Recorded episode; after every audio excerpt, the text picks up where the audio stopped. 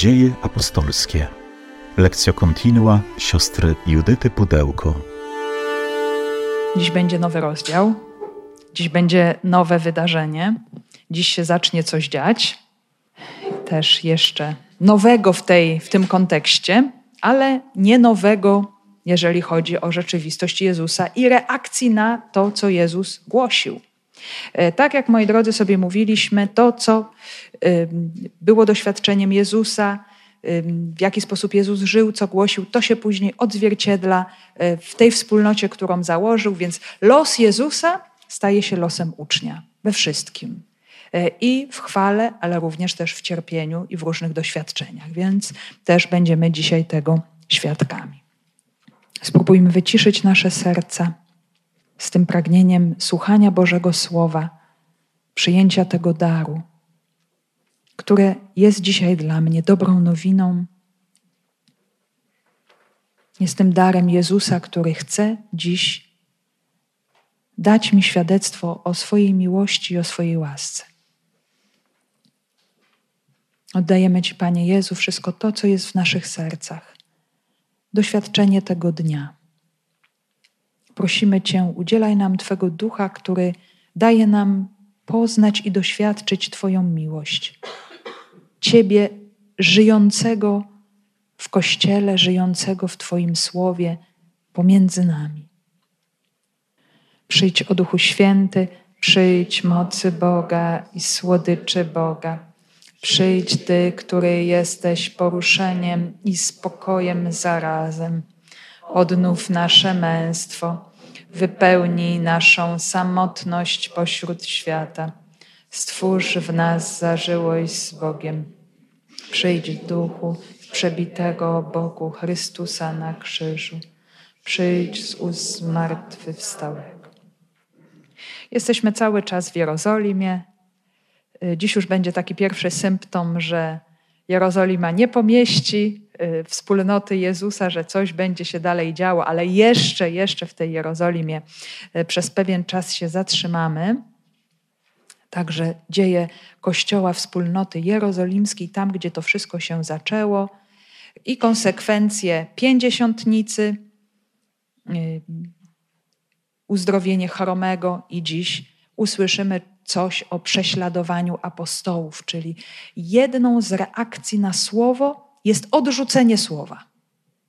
Jest przyjęcie słowa, i o tym już sobie mówiliśmy, mówimy i będziemy mówić, ale jest również odrzucenie słowa. I to w żaden sposób nam nie y, deprecjonuje, nie pomniejsza y, jakoś y, tej rzeczywistości głoszenia, życia Kościoła, Ducha Świętego. To nie jest tak, że kiedy jest Duch Święty, to nie ma trudności. Wręcz przeciwnie. Będziemy się coraz bardziej przekonywać, że właśnie Duch Święty nie zakłada sielankowego życia, tylko On daje męstwo do przezwyciężenia wszelkich trudności. I będziemy dzisiaj widzieć, jak e, apostołowie, jak Piotr i Jan, zwłaszcza Piotr, jak zachowują się w obliczu pierwszego konfliktu. Oczywiście potem też będziemy mówić i o rzeczywistości grzechu, bo e, te trudności są zawsze dwojakiego rodzaju. To już co, co tydzień nieustannie to powtarzam, że jest to uderzenie od zewnątrz w Kościół, czyli zawsze jakieś odrzucenie, takie czy nie inne prześladowania. Komuś się po prostu nie podoba, czy nie, jest, nie chce przyjąć Jezusa, nie chce przyjąć tego życia, ma swoją wizję y, rzeczywistości albo może być to zagrożenie, y, grzech, słabość, który płynie z wewnątrz wspólnoty. I nie zapominajmy też tego, że y, zanim się pojawił Duch Święty, to y, nastąpiło to bolesne oczyszczenie, przypomnienie rzeczywistości zdrady Judasza. To była pierwsza rzeczywistość na samym początku. Pierwsza mowa Piotra, jeszcze przed pięćdziesiątnicą, dotyczyła tego gdzie trzeba było się przyznać otwarcie do, czy przypomnieć to, o czym wszyscy wiedzieli, ale jeszcze raz Piotr to podjął właśnie, że jest rzeczywistość bardzo bolesna i trudna, ale Duch Święty zawsze wskazuje drogę wyjścia. I wtedy pamiętamy los padł na Macieja. Y, I o tych trudnościach również wewnętrznych też różnego rodzaju będziemy sobie mówić. Y, więc Wspólnota się rozwija, wzrasta mm, i oczywiście jest to wspólnota funkcjonująca wewnątrz judaizmu, wspólnoty żydowskiej, y, więc apostołowie, o czym też sobie nieustannie powtarzamy, oni uczestniczyli w, w całym religijnym życiu żydowskim, bo zresztą byli też Żydami wierzącymi, religijnymi, praktykującymi, y, więc zarówno uczęszczali do synagogi, jak i do świątyni, dopóki ta świątynia była. I wchodząc Y, do świątyni Piotr i Jan spotykają żebraka, chromego, kulawego człowieka od urodzenia, y, który oczekiwał na datek, na jałmużnę. I Piotr wtedy dał to, co posiadał najcenniejszego, największy możliwy skarb, czyli y, tę moc obecną w imieniu Jezusa Chrystusa, Zbawiciela, i przekazał to słowo pełne mocy, słowo pełne wiary, dzięki któremu człowiek chromy stanął na nogi, e, ale nie tylko to, został uzdrowiony również na duchu, został przywrócony do wspólnoty. Pierwszy raz w swoim życiu wszedł do świątyni i uwielbiał Boga. Wszedł w postawę uwielbienia, e, stał się człowiekiem również wierzącym, uzdrowionym wewnętrznie. Więc takie możemy powiedzieć kompleksowe dotknięcie poprzez Ducha Świętego, którego otrzymał dzięki Słowu wypowiedzianemu z mocą przez Piotra. I ten znak domagał się wyjaśnienia. E, Piotr wyjaśnia to zdarzenie. Dlaczego się dziwicie? Czy myślicie, że to my posiadamy taką moc? Nie. To jest właśnie znak i poświadczenie tego, że Jezus Chrystus ukrzyżowany, to się stało zupełnie niedawno pośród Was, że On żyje. I to Jego imię ma tak wielką moc, że przywraca zdrowie y, i daje siły człowiekowi.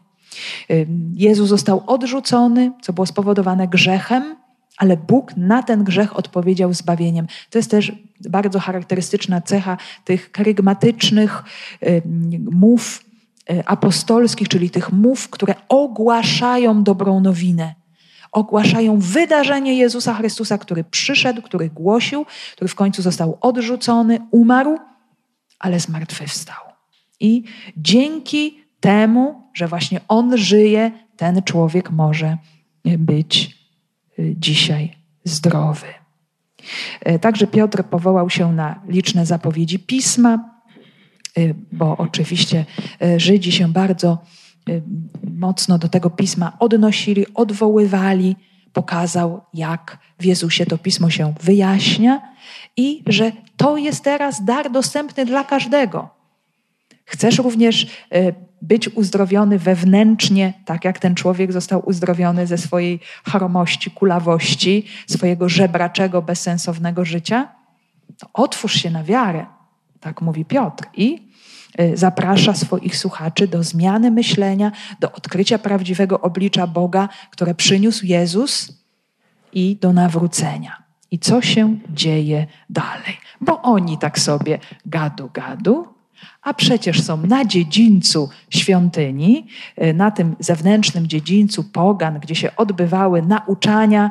Y, mówiliśmy sobie o portyku Salomona, kolumnadzie no ale jest to terytorium świątyni. No i nagle się pojawia tutaj jakiś nowy, nieautoryzowany mówca. No i co w związku z tym? No i zaczyna się dziać. Z dziejów apostolskich. Kiedy przemawiali do ludu, podeszli do nich kapłani i dowódca straży świątynnej oraz saduceusze, oburzeni, że nauczają ludu i głoszą zmartwychwstanie umarłych w Jezusie.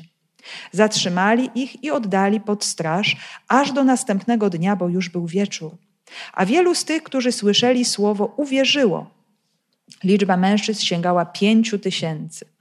Następnego dnia zebrali się ich przełożeni i starsi i uczeni w Jeruzalem. Arcykapłan Annasz, Kajfasz, Jan, Aleksander i ilu ich było z rodu arcykapłańskiego. Postawiwszy ich pośrodku pytali, czyją mocą albo w czyim imieniu uczyniliście to? Wtedy Piotr, napełniony Duchem Świętym, powiedział do nich: Przełożeni ludu i starsi, jeżeli przesłuchujecie nas dzisiaj w sprawie dobrodziejstwa, dzięki któremu chory człowiek odzyskał zdrowie, To niech będzie wiadomo Wam wszystkim i całemu ludowi Izraela, że w imię Jezusa Chrystusa Nazarejczyka, którego Wy ukrzyżowaliście, a którego Bóg podniósł z martwych, że dzięki niemu ten człowiek stanął przed Wami zdrowy. On jest kamieniem odrzuconym przez Was budujących, tym, który stał się głowicą węgła i nie ma w żadnym innym zbawienia gdyż nie dano ludziom pod niebem żadnego innego imienia, przez które moglibyśmy być zbawieni. Kiedy przemawiali do ludu, podeszli do nich kapłani dowódca straży świątynnej oraz saduceusze, oburzeni, że nauczają lud i głoszą zmartwychwstanie umarłych w Jezusie. Więc moi drodzy, jest pięknie, bo zaczyna nam się pierwszy konflikt właśnie w tym momencie. I ten konflikt, który tutaj na razie wydaje się jeszcze być taki dosyć w miarę y, delikatny y, i bardzo dyplomatyczny, no, przerodzi się w bardzo dotkliwe prześladowanie, zaowocuje śmiercią Szczepana, co spowoduje rozproszenie się uczniów i głoszenia słowa w drodze, co oczywiście będzie bardzo służyło ewangelizacji. Więc tu od razu musimy o tym pamiętać, że y, wszelkiego rodzaju trudności zewnętrzne od samego początku zawsze służyły Kościołowi i zawsze mu służą. Należy je tylko w dobry sposób wykorzystać. I tu jest sam początek tego wszystkiego, co potem dalej Duch Święty też będzie prowadził. I Łukasz chce nam bardzo wyraźnie pokazać ten kontrast, że z jednej strony są ci, którzy y, bardzo otwarcie przyjmują słowo, pozwalają się tym słowem dotknąć y, jak możemy powiedzieć mieczem, że czują to słowo, które ich przenika, przeszywa, zaprasza do czegoś, niepokoi, porusza i chcą je przyjąć całym sercem i wchodzą w tę rzeczywistość, ale bardzo jest tutaj też wyraźnie pokazane, że słowo można odrzucić. I są bardzo różne, możemy powiedzieć, sytuacje, powody, y, motywy, dlaczego to słowo jest odrzucone, że się w ogóle do tego słowa nie dociera. Patrzy się powierzchownie na jakąś sytuację. Dlaczego? Bo coś zaczyna się wymykać spod kontroli. I tutaj mamy właśnie taką sytuację. Zaczyna się po prostu coś dziać, to zupełnie podobnie jak było w przypadku Jezusa i no i tak nie może po prostu być.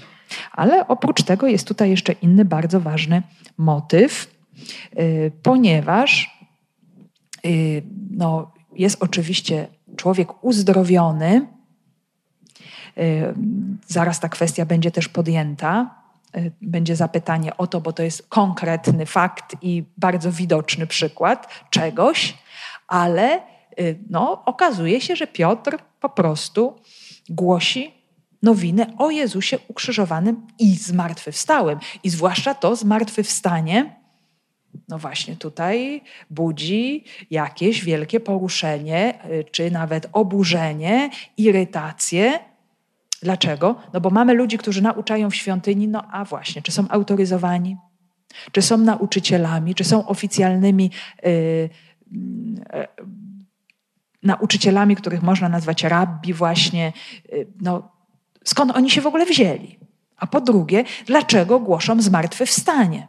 I to jeszcze w jakimś Jezusie. I tutaj mamy do czynienia, moi drodzy, e, z kapłanami czy strażnikami kapłańskimi i stronnictwem saduceuszów. I jak pamiętamy doskonale z Ewangelii, saduceusze odrzucali możliwość zmartwychwstania. O tym nam mówi ewangelista Łukasz już w Ewangelii. Jezus doświadczył dokładnie tego samego, e, kiedy Jezus nauczał. E, Saduceusze chcieli go właśnie podchwycić w tej kwestii e, i zadać mu kontrowersyjne pytanie, na które by nie mógł znaleźć odpowiedzi właśnie na temat zmartwychwstania. Wówczas podeszło do niego kilku saduceuszów, którzy twierdzą, że nie ma zmartwychwstania. Więc byli to ludzie, to stronnictwo, była to arystokracja kapłańska, ludzie bardzo bogaci, y, ale jednocześnie też przeświadczeni, że wszystko to, co otrzymują od Boga, otrzymują tylko w życiu doczesnym. Więc człowiek musi się naprawdę bardzo starać y, tutaj nacieszyć tym życiem, ile się da, bo potem to już nic z tego. Więc e, bardzo mocno się tej doktryny trzymali i próbowali negować wszystkie tłumaczenia rzeczywistości zmartwychwstania. E, a znowu przeciwne stronnictwo, jak pamiętamy, faryzeusze e, w to zmartwychwstanie wierzyli. Oczywiście Chodziło tutaj o zmartwychwstanie w dniu ostatecznym, po jakiejś wielkiej, kosmicznej interwencji Boga, kiedy Bóg zniszczy wszystkich wrogów Izraela i właśnie przywróci wszystkich umarłych do życia i wszyscy sprawiedliwi będą jaśnieć jak słońce, jak gwiazdy na niebie. Y, o tym nam mówi chociażby Księga Daniela czy Księga Mądrości. A tutaj jednak mamy saduceuszów i mamy właśnie te grupy związane z kapłanami y, i no właśnie nie dosyć, że zmartwychwstanie, no to jeszcze zmartwychwstanie umarłych w Jezusie. Co ma jakiś Jezus do zmartwychwstania? Dlaczego jest tutaj on ogłaszany? Jakim prawem to czynią? Y, więc co to znaczy to głoszenie zmartwychwstania umarłych w Jezusie. Co to znaczy zmartwychwstać w Jezusie? No możemy na bardzo różne sposoby też rozumieć, ale tak zasadniczo chodzi tutaj właśnie o to, że Jezus swoją osobą początkuje rzeczywistość zmartwychwstania. On zmartwychwstał i On żyje i dlatego możemy mieć pewność, że również my zmartwychwstajemy, ale wszystko zaczyna się od Niego. E, to też jest bardzo widoczne w nauczaniu świętego Pawła, jak chociażby weźmy pierwszy list do Koryntian, rozdział 15, to tam właśnie Paweł w taki sposób to argumentuje. Dlaczego zmartwychwstaniemy? Bo Chrystus zmartwychwstał. Y, nie możecie negować zmartwychwstania, bo inaczej byście musieli powiedzieć, że Chrystus nie zmartwychwstał. Jeżeli nie zmartwychwstał, próżna jest nasza wiara i aż do tej pory pozostajemy w grzechu. Tam bardzo wyraźnie mamy tę argumentację. Y, więc to jest pierwsza możliwość y, że to zmartwychwstanie rozpoczyna się w Jezusie, że On jest tym pierwszym, który zmartwychwstał, jest wzorem Także takim prototypem człowieka zmartwychwstałego. Y, święty Paweł go nazywa właśnie pierworodnym spośród umarłych, ale też jest kolejna sprawa tego rodzaju, że to zmartwychwstanie Jezusa jest zweryfikowane, czy się weryfikuje w tymże uzdrowionym człowieku. Dlaczego ten człowiek został uzdrowiony?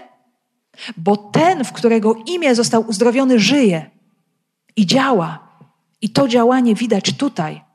I moi drodzy, to jest podstawa e, tego wszystkiego, czego doświadczamy w Kościele w bardzo różnych wymiarach naszego życia. Czy to będą uzdrowienia zewnętrzne, bo takowe też się zdarzają, tak czy inaczej, czy to będą uzdrowienia wewnętrzne, które są o wiele ważniejsze od tych zewnętrznych, czy to będzie w ogóle pewna zmiana moralna człowieka, jakieś nawrócenie, jakaś zmiana życia. No jest bardzo wiele takich przypadków ludzi wręcz, którzy, w których następuje jakaś kolosalna zmiana. Oni czasami nawet nie są w stanie do końca zrozumieć dlaczego. No i właśnie dlatego, że Jezus żyje. Że to nie jest jakaś pamiątka, jakieś wspomnienie, że my przychodzimy do kościoła i się wzruszamy, opowiadając, och, jaki ten Pan Jezus był dobry, ile On dla nas zrobił, jak On nas kochał.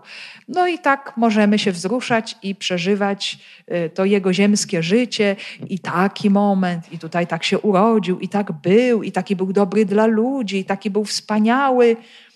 No tak niektórzy właśnie w taki sposób próbują y, na Jezusa patrzeć y, i tak się wzruszać, no że taki przywódca byłby naprawdę kimś niesamowitym, a tymczasem to nie jest tak. On żyje. I dlatego dzieją się pewne rzeczy, że On żyje. I to jest potwierdzenie. Ta moc płynie od Niego. Jezus zmartwychwstał, już to mówiliśmy wielokrotnie na różne sposoby, jest obecny wśród nas poprzez Ducha Świętego. My Go już tu nie widzimy w ciele, w ludzkiej postaci, chociaż On to ciało ma. Pamiętamy rzeczywistość w niebo wstąpienia, które, które sobie omawialiśmy, i, i to jest to potwierdzenie, że Syn Boży jest w chwale nieba, jest w tym innym wymiarze zupełnie y, nas przekraczającym ze swoim ludzkim ciałem, które zostało ukrzyżowane i zmartwychwstało, zostało podniesione do życia, ale jednocześnie To jest niesamowite. Jezus jest obecny pośród nas, wszędzie tam, gdzie jest dwóch lub trzech zgromadzonych w imię Jego, więc jest tutaj pośród nas obecny w mocy swojego ducha. I jest to obecność o wiele bardziej skuteczniejsza. I mówiliśmy sobie już o tym wielokrotnie przy okazji Ewangelii Jana, kiedy Jezus zapowiadał ducha parakleta. Y, y, pożyteczne jest dla was moje odejście. Bo jeżeli nie odejdę, nie poślę wam ducha, a tak to, y, to to wszystko będzie zmienione jeszcze bardziej niż ja bym był wśród Was w moim ciele. Więc y, ta moc Jezusa zmartwychwstałego objawia się na bardzo różne sposoby y, i ciągle sobie tutaj to powtarzamy, że potrzebujemy właśnie tego y, spojrzenia wiary, tej kontemplacji, to jest właśnie kontemplacja, to patrzenie wiary, bo my jesteśmy bardzo już przyzwyczajeni do tego wszystkiego, co się dzieje w kościele, co się powtarza, te same czynności, ale to jest cud. To są nieustanne cuda, które się dokonują w Kościele. Największym cudem jest właśnie ta sakramentalna obecność, działanie. Chrystus, który staje się obecny pośród nas, który staje się z nami jedno w Eucharystii, y, który oczyszcza nas sakramentalnie z naszych grzechów. Wtedy ta Jego męka, śmierć i zmartwychwstanie. Y, my jesteśmy w to zanurzani, nieustannie odnawiani. I to się dzieje tylko dlatego, że On zmartwychwstał i dał nam swojego ducha. To nie jest jakaś rzecz zewnętrzna. To jest coś, w czym my uczestniczymy w sposób absolutnie wewnętrzny. Więc to jest weryfikacja, to jest sprawdzian. I żeby ci ludzie, którzy tam byli, mogli cokolwiek z tego pojąć, no, jeszcze nie było żadnych podręczników teologii, nawet nie było jeszcze spisanej Ewangelii w tym momencie. Wszystko się dopiero zaczynało i działo. I, i w ogóle jak ci ludzie, pomyślcie, wychowani w monoteizmie, mieliby uwierzyć, że jest Ojciec, Syn i Duch Święty, to wszystko wymagało długiego czasu. Więc były takie działania, gdzie ludzie mogli zobaczyć coś bardzo konkretnego, więc uzdrowionego człowieka, no przecież go widziałem tyle lat, tyle razy widziałem go tutaj chorego. I dlaczego teraz chodzi? No właśnie dlatego, że Jezus żyje. I to jest y, potwierdzeniem tej rzeczywistości. Zatrzymali ich i oddali pod straż aż do następnego dnia, bo już był wieczór. Także nastąpiło aresztowanie, zatrzymanie, bo y, zdaniem tychże tutaj y, ludzi pilnujących teren świątyni doszło do jakiegoś zaburzenia porządku trochę się za dużo zrobiło, możemy powiedzieć tutaj poruszenia, y, powiedzielibyśmy naszym językiem jakaś zadyma, prawie się podniosła, więc trzeba rzeczywistość uspokoić i przede wszystkim sprawdzić, o co chodzi na spokojnie. A że Piotr i Jan wstępowali do świątyni y, na piętnastą, na wieczorną ofiarę, i wtedy nastąpiło to uzdrowienie, i oni z tym, że człowiekiem do tej świątyni weszli i pewnie uczestniczyli w tej ofierze i się tam jeszcze modlili, no więc znowu pewnie wyszli, zaczęli wyjaśniać, tłum się zbierał, no to już to wszystko, y, możemy powiedzieć, trochę trwało i już się zbliżył wieczór. Już nie można było dalej tej sytuacji rozstrzygać, robić przesłuchania. Już wszyscy szli na kolację. Więc y, apostołowie zostali zatrzymani y, właśnie w, y, w takim więzieniu świątynnym, takim przejściowym miejscu zatrzymania. Jakby się coś działo, jakby ktoś zrobił coś niewłaściwego w świątyni, to strażnicy mieli prawo właśnie coś takiego też uczynić, zatrzymać ludzi w oczekiwaniu na proces, na dochodzenie. Więc trzeba było z tym poczekać do rana. Tutaj nie mamy y, żadnych informacji, jak Piotr i Jan spędzili tę noc w więzieniu. Y, będą jeszcze takie kawałki w dziejach apostolskich, gdzie będziemy o tym czytać, co się działo z Pawłem w więzieniu w nocy, jak wielbił Boga jak się modlił w tym uwięzieniu, jak nawet apostołowie wielokrotnie cieszyli się z tego powodu, że mogą cierpieć dla imienia Jezus. Tutaj jeszcze na razie nic na ten temat nie ma. Natomiast zobaczcie, jest bardzo ciekawy, możemy powiedzieć, kontrast. Ten nasz tekst jest zbudowany na zasadzie takich mocnych kontrastów, że tutaj dzieje się coś niesamowicie pozytywnego. Tutaj jest ktoś, kto to próbuje zatrzymać, uwięzić to słowo, które dokonuje tego, co dokonuje, zamknąć ich na noc. I jaki jest efekt? A wielu z tych, którzy słyszeli słowo, uwierzyło. Liczba mężczyzn sięgała pięciu tysięcy. No i o co w tym wszystkim chodzi? To, to będziemy nieustannie zauważać w dziejach do samego końca. Słowa Bożego nie można uwięzić. To jest po prostu niemożliwe, bo jest to największa moc, w której objawia się duch. I chociaż w sposób zewnętrzny, fizyczny będzie się próbowało to słowo krępować, więzić, likwidować, nawet potem z czasem zabijać, niszczyć, to ono będzie działać z jeszcze większą siłą. I mamy tutaj efekt. Uwięzili ich, a w tym samym momencie wierzą kolejni. Kolejni y, dołączają do wspólnoty. Y, oczywiście, zobaczcie, tych pięć tysięcy to też jest taka liczba dosyć obfita. Nie wiemy, czy faktycznie tyle ich było. Nie wiemy, skąd Łukasz miał taki szacunek. W Jerozolimie mogło być od 20 do 60 tysięcy, może też byli jacyś ludzie napływowi, y, ale chodzi tutaj, moi drodzy, o taki stopniowy wzrost. Zobaczcie, po pięćdziesiątnicy było ile? Trzy tysiące. Teraz pięć tysięcy. Y, przy następnym przesłuchaniu apostowie usłyszą, że napełnili tymi naukami całą Jerozolimę. Że już po prostu to się tak rozchodzi. Już wszyscy o tym mówią. Nie da się po prostu zatrzymać działania ducha. On ma właśnie taką moc, kiedy ten, kto głosi, podchodzi do tego z ogromną wiarą, z autentycznością, to słowo idzie dalej i ono się rozwija, ono rośnie. I y, to właśnie chce nam pokazać autor dziejów apostolskich, jak to słowo rośnie, pomimo, a nawet właśnie dzięki wszelkim przeciwnościom. Następnego dnia zebrali się ich przełożeni i starsi i uczeni w Jeruzalem, arcykapłan Annasz, Kajfasz, Jan, Aleksander i ilu ich było z rodu kapłańskiego. No i mamy tutaj przynajmniej dwa imiona, które znamy.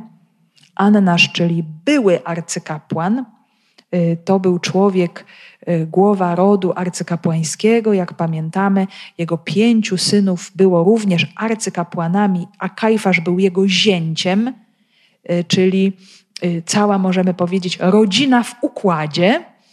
Y, mówiliśmy sobie o tym też przy okazji Ewangelii Jana, że mu, oni musieli mieć bardzo dobre relacje z Rzymianami, ponieważ każdorazowy arcykapłan musiał być zatwierdzany przez y, prefekta rzymskiego.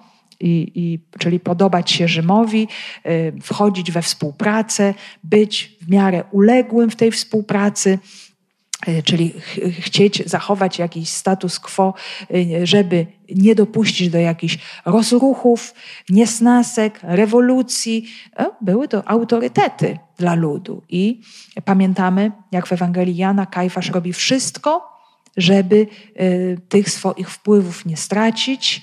Widząc ogromne poruszenie związane ze wskrzeszeniem Łazarza, decyduje się, już możemy powiedzieć tak bezwiednie, e, zupełnie wydaje wyrok na Jezusa. Trzeba, żeby jeden zginął za cały naród, bo inaczej przyjdą Rzymianie i nas po prostu obrócą w pył i naszą świątynię zburzą. Więc robienie wszystkiego, żeby nic nie zmienić, żeby utrzymać e, swoją pozycję.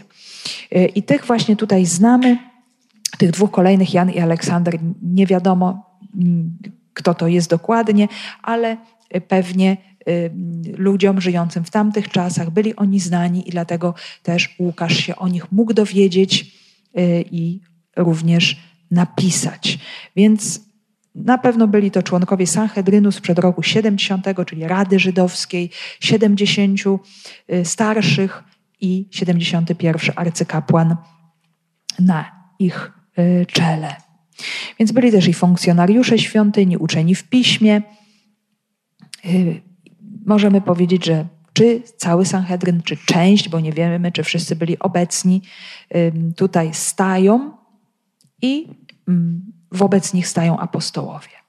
Czyli tak jak Jezus stanął przed Sanhedrynem, tak teraz apostołowie stają przed Sanhedrynem. Są postawieni na środku. Postawiwszy ich pośrodku, pytali, czyją mocą albo w czyim imieniu uczyniliście to? Pojawia się zarzut, I to jest, moi drodzy, takie możemy powiedzieć, no coś niezwykłego, że ci ludzie y, nie podzielają zachwytu prostego ludu, że oto stało się coś niezwykłego, co świadczy o mocy Boga, ale pojawia się jakiś zarzut. Ten zarzut oczywiście dotyczy kwestii władzy, potęgi, mocy, imienia. Czyją mocą? W czyim imieniu? Czyli kto jest tym waszym autorytetem, na który się powołujecie? Jaka to jest moc? Czyli jest to ewidentnie widoczne, o co chodzi. Chodzi o poczucie zagrożenia. Pojawia się jakaś grupa, jakaś nacja. No, oczywiście zaraz się okaże, że to Jezus, przecież to jest sprawa zupełnie świeża, ale ktoś próbuje tutaj no, osiągnąć jakiś wpływ nad ludźmi.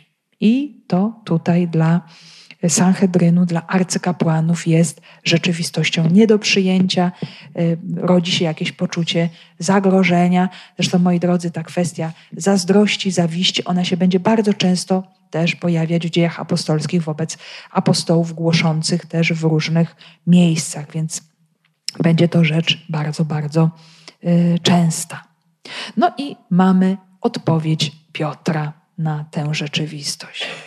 Wtedy Piotr, napełniony Duchem Świętym, powiedział do nich: Przełożeni ludu i starsi, jeżeli przesłuchujecie nas dzisiaj w sprawie dobrodziejstwa, dzięki któremu chory człowiek odzyskał zdrowie, to niech będzie wiadomo Wam wszystkim i całemu ludowi Izraela, że w imię Jezusa Chrystusa Nazarejczyka, którego Wy ukrzyżowaliście, a którego Bóg podniósł z martwych, że dzięki niemu ten człowiek stanął przed Wami zdrowy. I tutaj mamy pierwszy raz takie wyraźne odniesienie, że Piotr przemawia z mocy Ducha Świętego. My oczywiście o tym wiemy, bo nastąpiła jakiś czas temu pięćdziesiątnica. I ten Piotr już przemawiał zaraz po tym wydarzeniu zesłania Ducha Świętego, właśnie w mocy Ducha Świętego. I ta mowa, jak pamiętamy, była bardzo skuteczna. Ale tutaj pierwszy raz bardzo wyraźne odniesienie, że to Duch Święty to wszystko prowadzi i On daje Piotrowi odpowiedź. E, tu realizują się zapowiedzi Jezusa, e, już też widoczne w Ewangeliach, że chociażby e, Jezus zapowiada uczniom, będą was wlekli przed sądy, trybunały i w swoich synagogach będą was biczować. Więc to wszystko się spełni, to się wszystko zrealizuje i wtedy Jezus daje taką poradę właśnie, nie myślcie o tym, co i jak macie mówić, jak macie się bronić, czyli nie szukajcie ludzkich sposobów obrony, ale otwierajcie się na ducha, na to, co w danym momencie Wam powie. Duch Święty pouczy Was w tej właśnie godzinie, co należy powiedzieć. Także tutaj Piotr y, całkowicie poddaje się Duchowi Świętemu. Y, pewnie sobie nie zdążył tego ułożyć w głowie nie żebyśmy myśleli, że on całą noc tutaj się zastanawiał, jak ja teraz mam się z tej sytuacji wybronić, ale był on po prostu bardzo otwarty, na pewno się modlił, na pewno słuchał i widać, jak ten duch też przez niego y, bardzo wyraźnie działa. Y, I to jest też takie niesamowite, moi drodzy, że ten Piotr, tak bardzo słaby. Ten Piotr, który przestraszył się jeszcze niedawno służącej, który przestraszył się ludzi, którzy nie mieli jakiegoś wpływu na jego życie zbyt wielkiego, y, stchórzył, który się zaparł, teraz pokazuje zupełnie inne oblicze y, i reaguje zupełnie inaczej, bo przemawia w mocy ducha. Y, to jest też dla nas bardzo ważne, bo pokazuje, co Duch Święty może uczynić z człowiekiem słabym.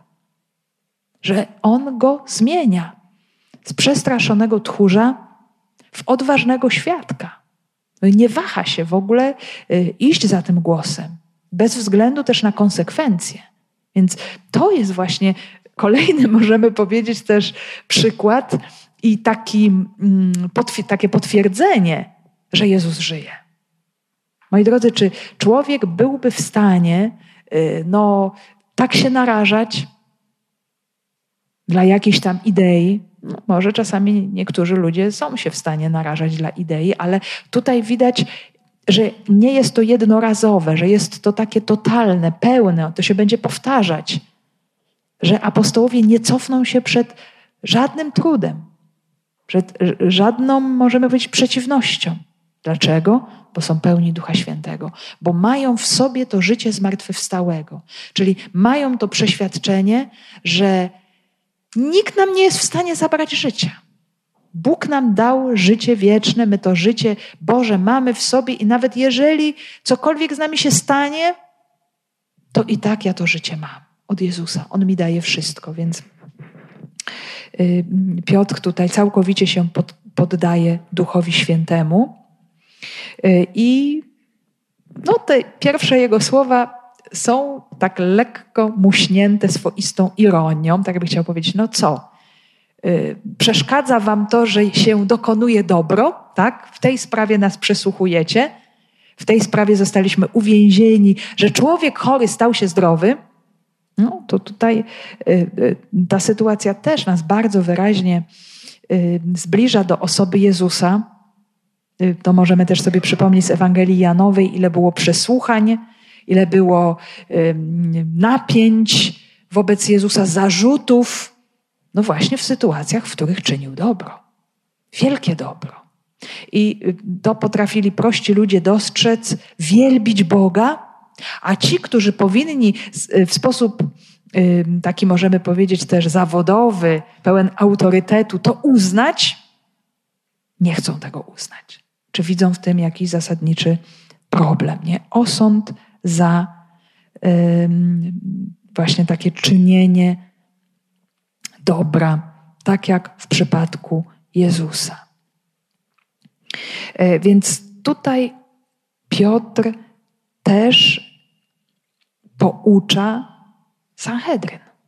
To jest właśnie niesamowite. Zobaczcie, znów to, co przed chwilą ogłosił ludowi, mówi, tak, chcecie wiedzieć, no to ja wam też ogłoszę prawdę o Jezusie. Bo jeszcze może tego nie wiecie. Bo jeszcze to jest przed wami zakryte. Więc powiem wam, zdradzę wam tę niesamowitą prawdę, która może stać się również sensem waszego życia. I mówi właśnie o tym dobrodziejstwu, Dobrodziejstwem jest uzdrowienie człowieka chorego.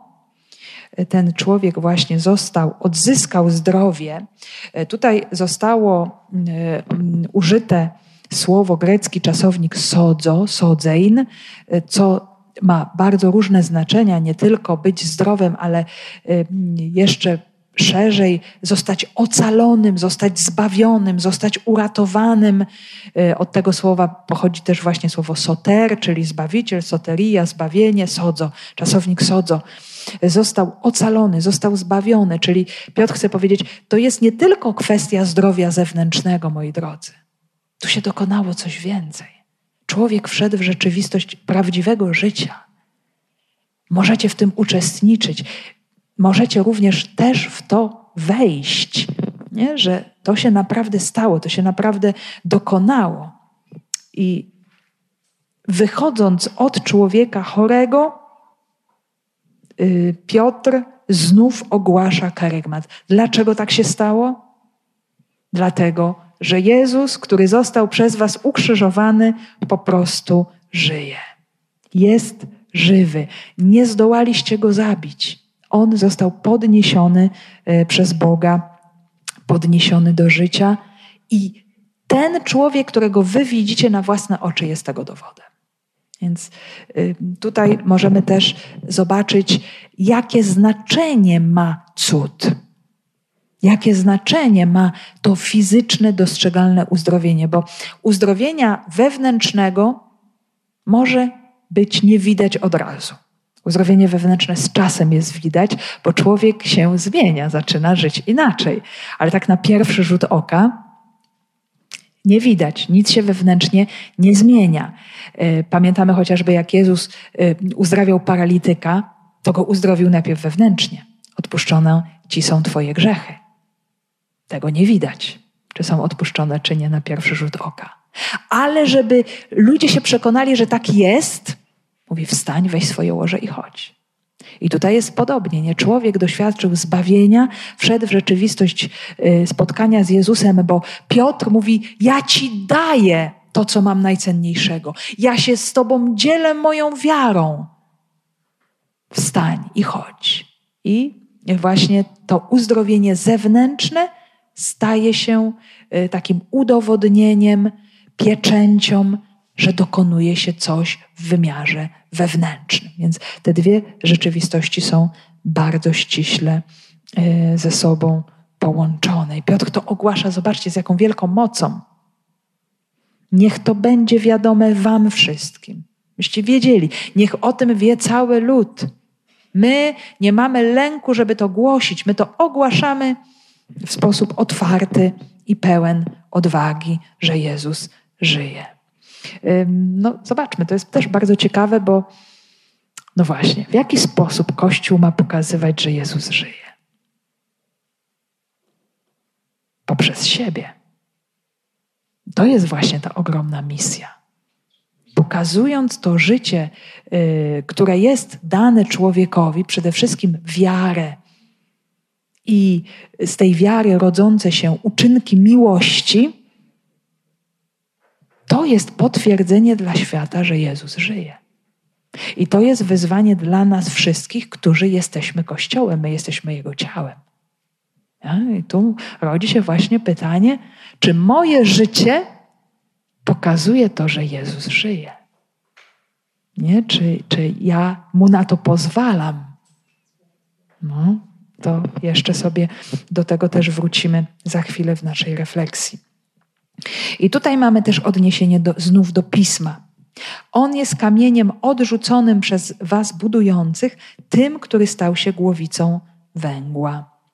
Y, jest tu odniesienie do Psalmu 118, werset 22. Jest z jednej strony kamień, który jest odrzucony i staje się fundamentalną podporą. Ta głowica węgła to jest kamień, który albo podpora narożnika, który, y, kamień, który łączy dwie ściany domu, albo podpora stropu, czyli tam, gdzie się łączy strop, czyli jakiś taki bardzo ważny łączący kamień. Tak samo Jezus, ten kamień odrzucony, czyli ukrzyżowany, odrzucony przez swoich, stał się dla swoich źródłem życia. Nie? Jezus jest właśnie tym kamieniem.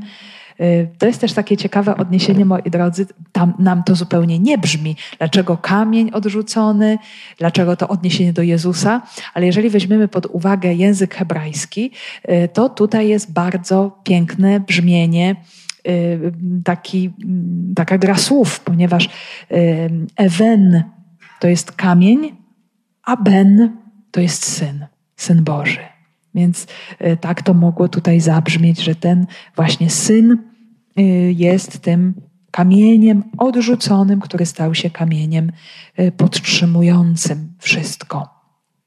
I co ciekawe, również w Ewangelii Łukasza tenże fragment Jezus odnosi do siebie Jezus właśnie cytuje ten fragment, kiedy daje konkluzję przypowieści o przewrotnych rolnikach. Winicy, którzy, jak pamiętamy, odrzucają wszystkich kolejnych reprezentantów właściciela winnicy, a na samym końcu odrzucają również syna.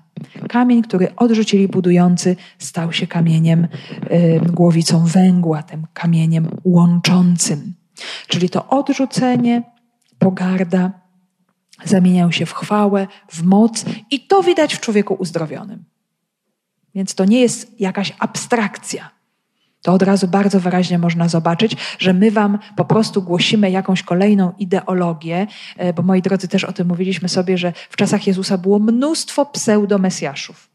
Mnóstwo ludzi, którzy w ogóle robili różne dziwne rzeczy, ogłaszali: To jestem ja, proszę idźcie za mną, a stanie się coś niezwykłego. Także y, to było mnóstwo też takich przypadków, ale tutaj mamy konkret. Bardzo y, konkretne wydarzenie, sytuację, która potwierdza, że Jezus żyje. że on z tego odrzucenia, które dokonało się zupełnie niedawno, y, jest w tej rzeczywistości chwały. No i chyba to najpiękniejsze stwierdzenie tego fragmentu, bardzo myślę dla nas ważne, y, kiedy Piotr właśnie konkluduje tą swoją wypowiedź. Y, no to może być dla nas bardzo, dla każdego wierzącego niesamowicie, niesamowicie ważnym też stwierdzeniem, y, kiedy próbuje się tak generalizować i mówić, no to praktycznie wszystko jedno, w kogo wierzysz, w co wierzysz, bylebyś był dobrym człowiekiem. No tutaj to słowo pokazuje, że tak nie jest. I nie ma w żadnym innym zbawienia, gdyż nie dano ludziom pod niebem żadnego innego imienia, przez które moglibyśmy być zbawieni. Jedyne, najwyższe pośrednictwo Jezusa. Oczywiście z tym Jezusem spotykają się ludzie na bardzo różne sposoby i są ci chrześcijanie, którzy są z nim złączeni, którzy stanowią jego ciało. Ale e, Kościół nas też bardzo wyraźnie naucza, że jakiekolwiek zbawienie, jakiekolwiek dojście do dobra, nawet ludzi, którzy nie wierzą, czy nie słyszeli o Jezusie, czy go wprost nie przyjmuje, zawsze dokonuje się i tak dzięki niemu. I tak zawsze to krew Chrystusa zbawia każdego. Od pierwszego człowieka na ziemi, aż do ostatniego, który będzie po niej chodził. Więc on jest tym jedynym pośrednikiem, bez względu na to, czy człowiek o tym wie, czy człowiek o tym nie wie, i bez względu na to, w jakim stopniu Jezusa przyjmuje. No, to jest oczywiście dla nas tajemnicze, dlaczego się tak dzieje, że jedni wierzą niejako spontanicznie. Czy dla nich jest to absolutnie oczywiste, że tak jest? A są przecież ludzie, którzy się z tym zmagają przez całe życie. Którzy może nawet dochodzą już do kresu swojego życia i nie jest to dla nich takie oczywiste. To nam pokazuje, że wiara jest tajemnicą, jest darem. No więc nie potrafimy na wiele e, tych sytuacji e, odpowiedzieć i tego też do końca zrozumieć. I to jest jedno imię. Imię Jezus, jak doskonale wiemy, Bóg zbawia, czy Bóg okazuje się zbawieniem, ratunkiem. Y, I to jest to jedyne imię, czyli osoba, czyli tożsamość, która, które daje nam życie, czyli wyzwala nas z tego wszystkiego, co nam to życie zabiera, czyli to wszystko, co nas zabija, niszczy, zniewala, to są wszystko, moi drodzy, te chromości, te paraliże różnego rodzaju. Zobaczcie, bo ten człowiek chromy, ta chromość jest symbolem, to może symbolizować wszystko to, co nam odbiera pełnię życia. Więc Jezus jest odpowiedzią na wszystkie problemy człowieka, na wszystkie sytuacje Jego cierpienia, Jego udręki, aż po śmierć ostatecznie. Bo to jest ten największy, podstawowy lęk źródło wszystkich lęków, y, które w nas istnieją. Jeżeli się czegoś boimy, to te lęki, nawet takie małe, zwykłe, codzienne, i tak są zawsze zakorzenione w lęku przed śmiercią. Y, natomiast w Jezusie ten lęk przed śmiercią zostaje przezwyciężony właśnie przez zmartwychwstanie. Że my już po prostu wiemy, jak to się kończy. Moi drodzy, to jest coś niesamowitego. Y, może to jest dla nas takie zwyczajne, bo my w tym żyjemy tak no, może mniej czy bardziej świadomie, no ale jednak o tym zmartwychwstaniu Jezusa, no to ciągle słyszymy jednak i to się nam ciągle powtarza i, i to jest sedno naszej wiary. Ale naprawdę, kiedy się rozmawia z ludźmi, którzy nie znają Jezusa, czy nie znają Go od tej strony, czy mają zły przekaz na temat Jego osoby, czy jeszcze są w ogóle gdzieś bardzo daleko od Niego, czy, czy w jakiejś innej wierze, to jest moje takie doświadczenie, to, to widać, jaka to jest kolosalna różnica. Widać, jak bardzo jesteśmy obdarowani, jak to po prostu zmienia perspektywę życia człowieka. I taki, moi drodzy, dojrzały chrześcijanin, to oczywiście dojrzewanie następuje przez całe życie, u każdego też y, z inną szybkością, y, w inny sposób, y, inaczej się to objawia Więc tutaj absolutnie nie można sobie robić jakichś porównań, czy już w tym momencie powinien dojść do tego, e, albo jestem opóźniony, albo idę za szybko. Nie, to jest zupełnie też droga bardzo, bardzo indywidualna, to dojrzewanie w wierze. Ale człowiek, który już stopniowo dojrzał w wierze, on po prostu y, coraz bardziej jest przeświadczony, że bez względu na to wszystko, co się stanie, ja to życie mam. Ja to życie mam że mogę stracić. Mogę stracić to moje życie. I zobaczcie, to jest doświadczenia, to jest doświadczenie i pierwszych męczenników Kościoła. Zaraz, już nie, niedługo będziemy o tym mówić w dziejach apostolskich, ale to jest doświadczenie wszystkich męczenników Kościoła. Ym, mogę to życie oddać, bo ja je mam w Jezusie Chrystusie zmartwychwstałym. I tam nie ma niepewności, ale to nie wiadomo, co to będzie, a to się wszystko kończy, i to jest taka pustka, i taka niepewność, i taka gorycz. Chrystus całkowicie zmienia tę perspektywę. Y, On daje życie w pełni, nie tylko nawet uzdrowienie ciała, bo przecież to i tak potem to ciało uzdrowione tego człowieka choromego i tak szło w kierunku śmierci. I tak ten człowiek musiał w końcu umrzeć i umarł. Yy, czy nie jest to tylko i wyłącznie właśnie ta jakaś zmiana wewnętrzna, ale jeszcze coś więcej. Całkowite przekształcenie natury, więc my się wpatrujemy w Jezusa Chrystusa zmartwychwstałego, bo to nam pokazuje naszą przyszłość. To, jak mówi przepięknie Benedykt XVI, że to Chrystus nam pokazuje nowy sposób bycia człowiekiem. Człowiek jest śmiertelny, Człowiek jest kruchy, obumiera, niszczeje, czujemy to. Y, Im dłużej ktoś żyje na świecie, tym bardziej mu się to odzywa, że taka jest kolej rzeczy w naszej naturze, a tymczasem jest ta cudowna nadzieja, właśnie to jedno, jedyne imię, które zmienia wszystko, absolutnie wszystko. I otwieranie się właśnie na rzeczywistość wiary pozwala człowiekowi również w tym wymiarze codziennego życia dojrzewać do takiej wolności i to życie potem już zaczyna wyglądać zupełnie inaczej. Bo to ta, ta prawda, ona stopniowo zaczyna zmieniać wszystko. Wszystkie wydarzenia, wszystkie sytuacje, wszystkie reakcje. No dobrze, tu nie wychodzi, tam nie wychodzi, tu niedobrze, tam nie. No tak, no taka jest rzeczywistość, takie jest życie. Ale jest jedna rzeczywistość, która wyszła na pewno i tego nic nie jest w stanie zmienić. To jest zmartwychwstanie Jezusa Chrystusa. Koniec, kropka. Więc tego możemy być całkowicie pewni, że y, to jest to wyzwolenie, wybawienie tylko w tym imieniu. Jest dla nas absolutnie wszystko. To jest ta odpowiedź Boga już sobie o tym mówiliśmy wielokrotnie, na grzech człowieka, na zło człowieka, na bogobójstwo, na zabicie Syna Bożego, Ojciec odpowiedział darem życia. To jest odpowiedź, jedyna adekwatna odpowiedź na zło, to jest dobro. Nie ma innej możliwości zwyciężenia zła, tylko dobro. Nie oko za oko, ząb za ząb czy zemsta, bo w ten sposób zło się nakręca. I zobaczmy, y, nie mając tej świadomości, w sposób taki spontaniczny, w jaki sposób się odpowiada. Za pomocą odwetu. Nie? Tak odpowiada natura człowieka zraniona grzechem pierworodnym. Ty mi zrobisz to, no to ja ci, ja ci oddam, albo ci dam jeszcze, jeszcze ci bardziej dołożę, żebyś dobrze zapamiętał. Nie? I zobaczmy, tak funkcjonuje świat. Wystarczy otworzyć, posłuchać, pooglądać, tak funkcjonuje świat. A Jezus wszedł w tę rzeczywistość właśnie taką, bardzo zepsutą, zepsutego świata, opanowanego przez zło, i swoją osobą to zło zatrzymał na sobie, odpowiadając dobrem. I to jest, moi drodzy, ta rzeczywistość naszej jedności z Chrystusem.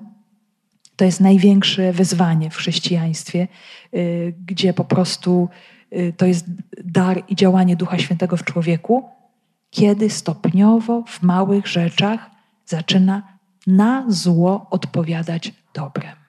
To nie znaczy, żeby tego zła nie widzieć. Zło należy nazywać po imieniu, ale nie wchodzić w sposób działania tego zła. Czyli skoro ktoś jest zły, to ja będę robić tak samo. Y, I im więcej, moi drodzy, jest dobra jako odpowiedzi na zło, tym więcej obecności Jezusa zmartwychwstałego y, wśród nas, między nami y, i też w naszym życiu. I sobie, moi drodzy, podsumowując, co możemy tu zauważyć?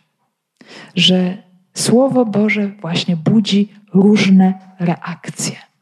I również dobro budzi różne reakcje. E, bo moi drodzy, to nie jest tak, że głoszenie Słowa Bożego to jest właśnie to, w czym my tutaj jesteśmy, kiedy my czytamy wspólnie jakiś tekst i go sobie wyjaśniamy. I komuś opowiadamy nawet o Jezusie.